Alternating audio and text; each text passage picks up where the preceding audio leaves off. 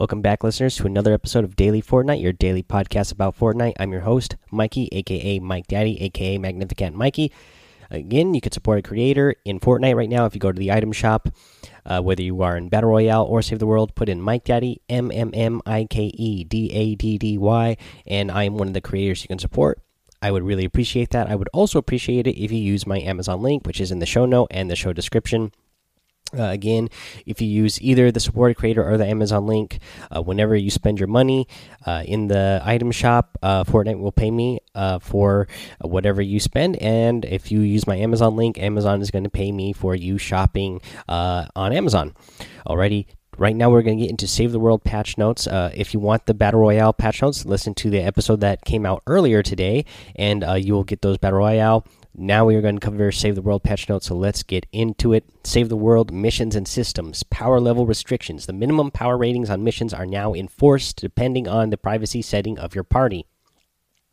If your match is set to public, then the lowest power rating in your party, ignoring and party boost, ignoring any party boost, will determine which missions are available and which are locked.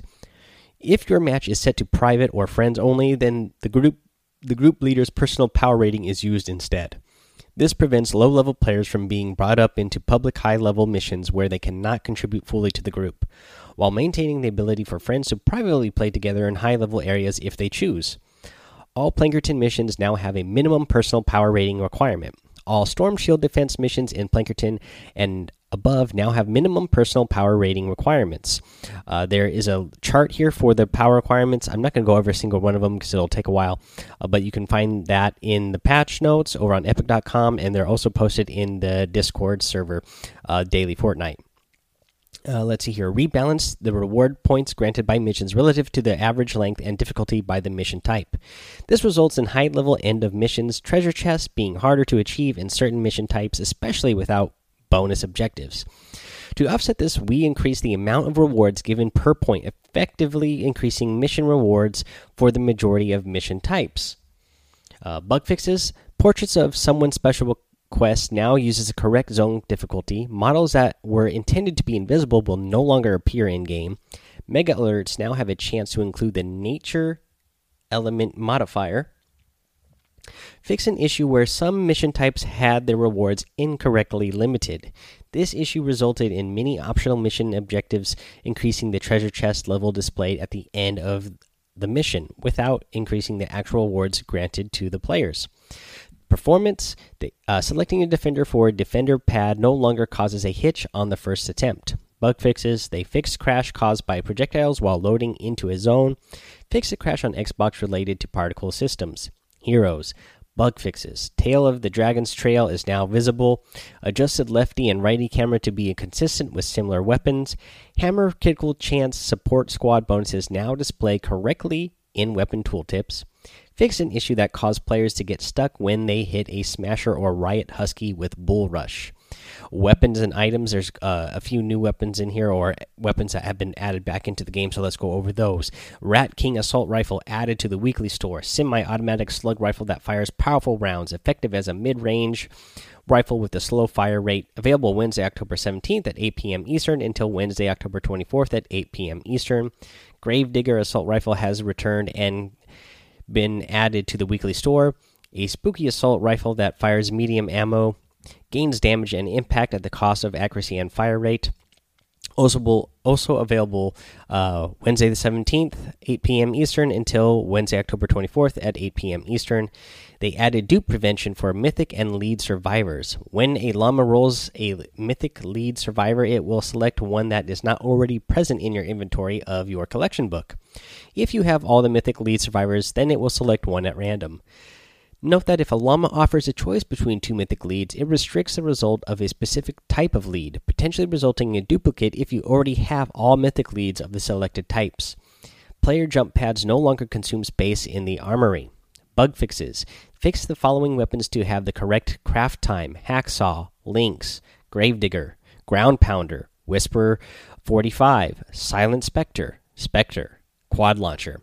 And the lead sled no longer uh, the lead sled no longer stops attacking when the attack button is held. Uh, here's some gameplay notes. We've introduced a new type of mission alert beta storms. Beta storms are an avenue of te for testing all kinds of new content. This gives us a chance to see what you think of new content and experimental ideas.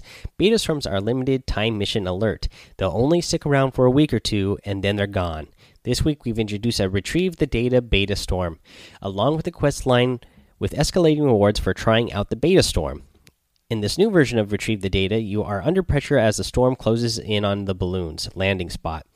Uh, the storm will cause damage to you and force combat into a smaller area when defending the data. The mission is 20 minutes long, and the only way to get the maximum reward is to shoot down the balloon as soon as allowed. This beta storm ends when this version 6.2 update arrives, so try it out while it's available. Bug fixes player character models no longer remain in game after leaving a mission while in the down state. Players no longer lose ability to use heavy melee and other abilities after respawning.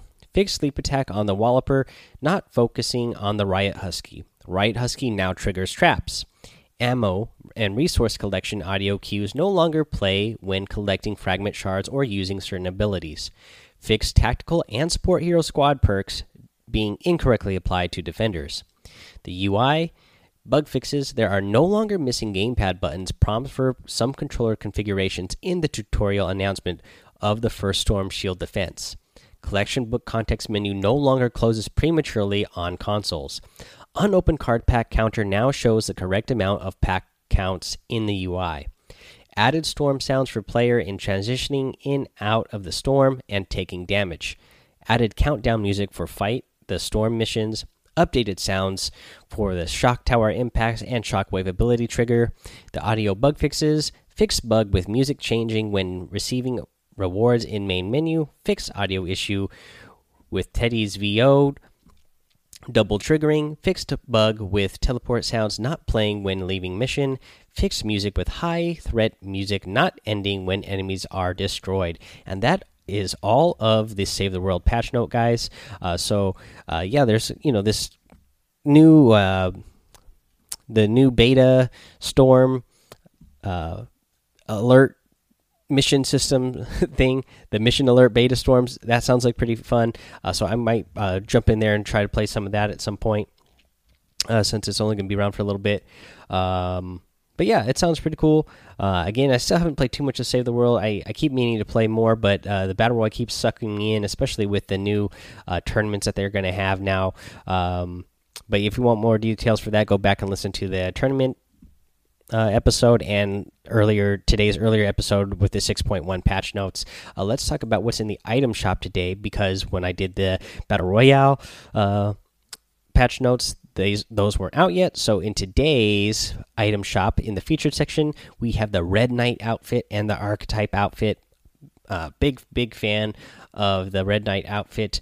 Uh, let's see here. We also have the Servo Glider and the Caliper harvesting tool, as well as the Crimson Axe harvesting tool. Over in the daily items, we have the Hacivat outfit again, along with the Shadow Puppet Glider, which I'm a big fan of that glider we have the survival specialist outfit and the tree splitter harvesting tool along with the living large emote and the my idol emotes. Uh, so some pretty good stuff in the item shop today so go check that out guys. And remember to use that mike daddy uh, when you are in there. Uh, this is going to be the end of the episode so also go join the discord server and hang out with us over there. Go follow my twitch. Go subscribe to my youtube. Those are great ways to uh, you know just hang out with uh, the community and hang out with me and uh, support all the, all the other stuff I'm trying to do and build up our community some more. Uh, go over to Apple Podcasts and iTunes, rate, review, and subscribe to the show. If you leave a five star rating and a written review, you'll get a shout out here on the show. And that is it for today, guys. So until tomorrow, have fun, be safe, and don't get lost in the storm.